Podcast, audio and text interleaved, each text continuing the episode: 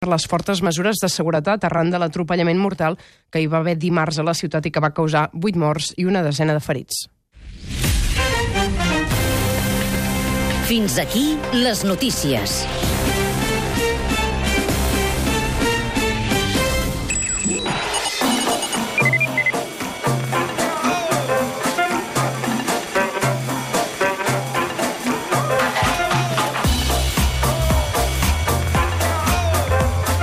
I sis anem a connectar amb el nostre enviat especial a la seva pròpia vida, Andreu Buenafuente, bon dia. Molt bon dia, Ricard i.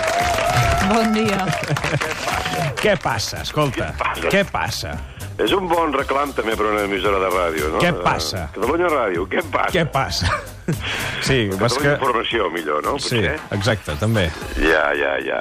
Què? Bueno, bé, bé, bueno, bé, bé. Això, això que diem els catalans d'ara, com esteu? Uh, quan parlem entre nosaltres. Bé, bé, bueno, bé, tot el bé que es pot, clar, perquè ja s'ha incorporat com una continuació del bé, perquè és com innegociable, no?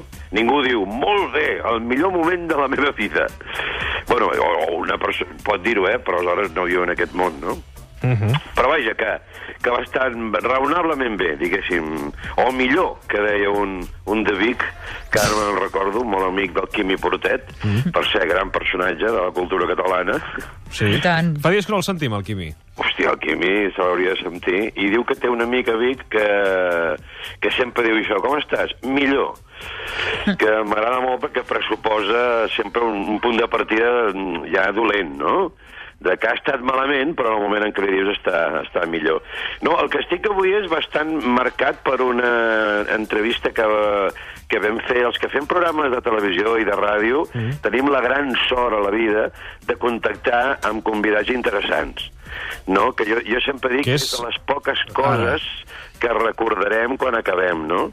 Que les nostres carreres, que és haver estat uns minuts amb algú realment especial, Eh, tots ho són, eh, a la seva manera, però de tant en tant hi ha com una expressió encara més marcada de persones excepcionals i a mi això em té fascinat perquè, i crec que és un dels motius pels que segueixo amb aquest ofici, a veure què et dic, eh? Sí, sí, en, entres a vides eh, que potser no entraries. Per exemple, penso ara en el fons d'armari que fa la Mercè Folk aquí a Catalunya Ràdio, Sí. en, en el qual estàs una hora xerrant aquí amb, amb un convidat, Gent que m'interessa, tu. gent que t'interessa... Clar, eh, però és que és, és així. Programes I, a mida. I entra... No!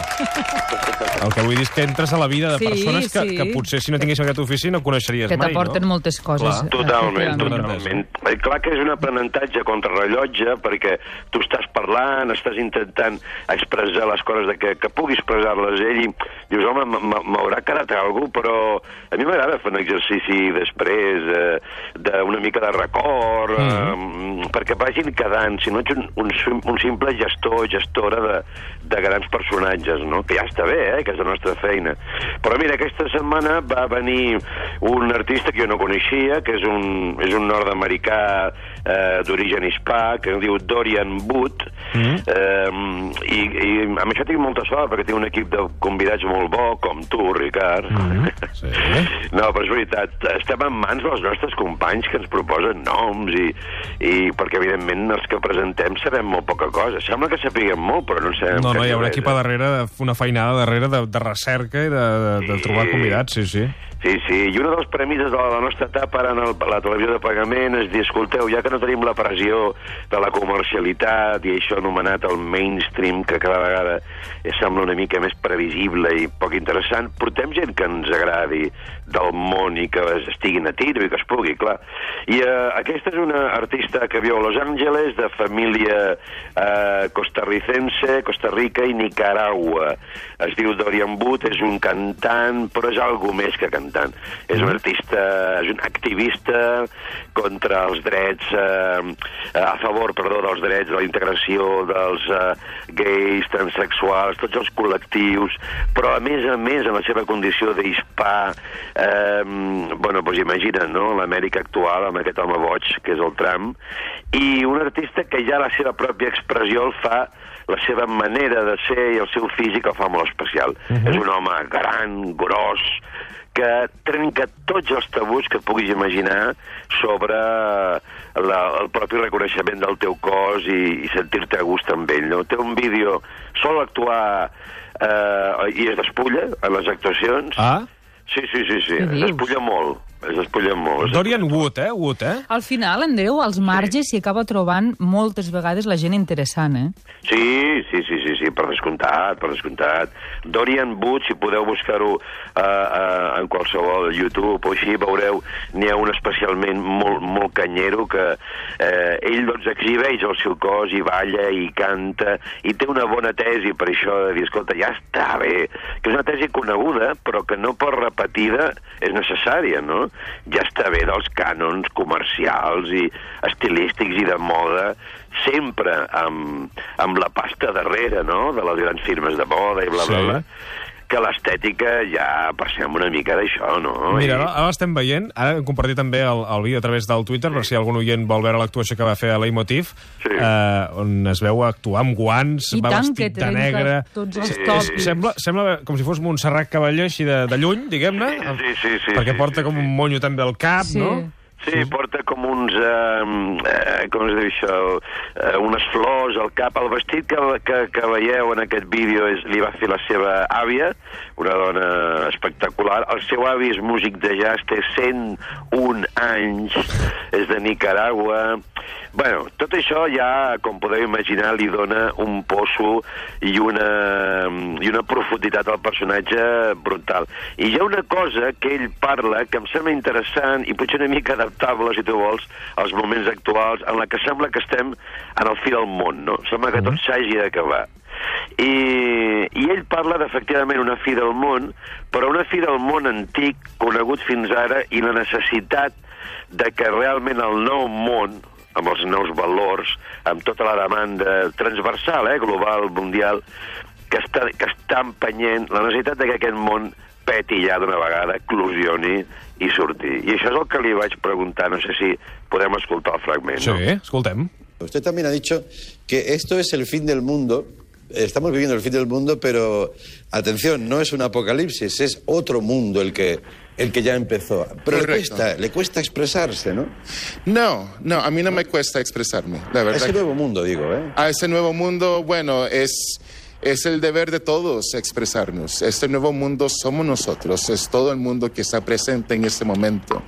Creo que es el deber de toda persona expresarse de la manera que ellos sepan como la propia verdad. Ya. Y para mí eh, es importante que esa verdad sea de un lugar en donde no exista la opresión contra ningún individuo en este mundo. Ajá. Y eso incluye eh, lo que pide la, la- la gente, lo que pide un pueblo para sí mismo. Eh, o sea, lo piden por una razón y no se les puede ignorar. Ya. Y eso universalmente creo que se puede aplicar y de, y de eso podemos aprender y justo lo que no se puede enseñar es la compasión, pero si la tenemos presente en cada día, en, en cada ser humano que nosotros eh, nos encontramos en cada día, sí, sí existe y en cada uno de nosotros existe la compasión y creo que esa es la clave para este nuevo mundo. Un nuevo mundo. Fixeu, si us hi fixeu, són paraules Hola. conegudes, Sí. eh, però que de vegades eh, queden com més subratllades segons qui les diu i, i, i com les diu. A lo millor va ser una percepció meva, no? Però aquests, aquests reclams habituals, sobretot en els últims anys, de, escolteu, les minories s'han d'expressar, eh, ja està bé, tot el conflicte mundial dels refugiats, les fronteres, tot això, hi ha una persona que amb, amb normalitat, amb, amb art, sobretot, que segurament és el millor dels vehicles, amb música, amb, amb, amb, amb ball, diu, vale, ja som-hi, no? I a mi em dóna la sensació de que són els que realment mouen més el, la societat cap a aquests nous territoris. Aquesta gent així, no? No sé, és una sensació personal. Però em va agradar de que la fi del món eh, fos només una pantalla més, que el que venia era un món millor. I m'he recordat una vegada que venint de València, Ah. Eh, saps que el sol, si tu vens de València en cotxe, del sud, al, al, al capvespre el sol et va caient al darrere, no? Sí. I, i per tant ja és de nit a Catalunya, o s'està fent de nit. I hi havia la tempesta més gran que he viscut a la meva vida amb cotxe. I, i jo venia d'un territori amb llum, amb sol, que marxava, però que era aquella llum valenciana, que per cert és especial, com més blanca, més, més no sé, molt espectacular, i davant, arribant a Tarragona, a la frontera amb Catalunya, no sé si era una, un presagi o què, bueno, estava caient a la fi del món. I en aquell moment poso la ràdio i sona aquesta cançó. That's great, it starts with an earthquake, birds and snakes, an airplane. Lenny Bruce is not afraid.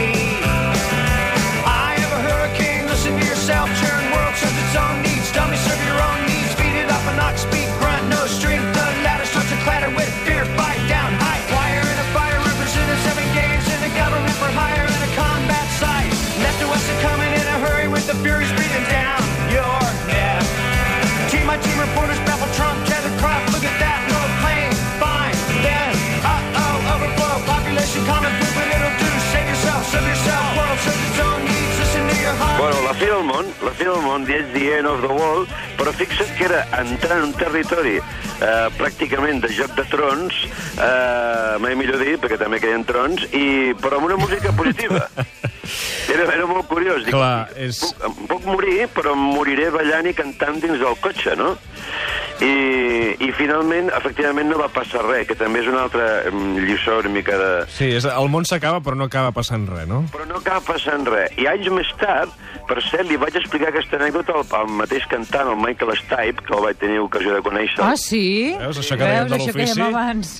Sí, Caram, amb una, can, amb un Uau. que va fer a Girona, bueno, a les comarques de Girona, no sé exactament on era, i vaig poder accedir al Castell gràcies a un amic i tal, i ell estava allà menjant-se una amanida i li vaig explicar amb el meu anglès, però, però també us he de dir que a mi m'agraden les coses que són poc èpiques, eh? És que li vaig explicar amb tot el dramatisme que vaig poder...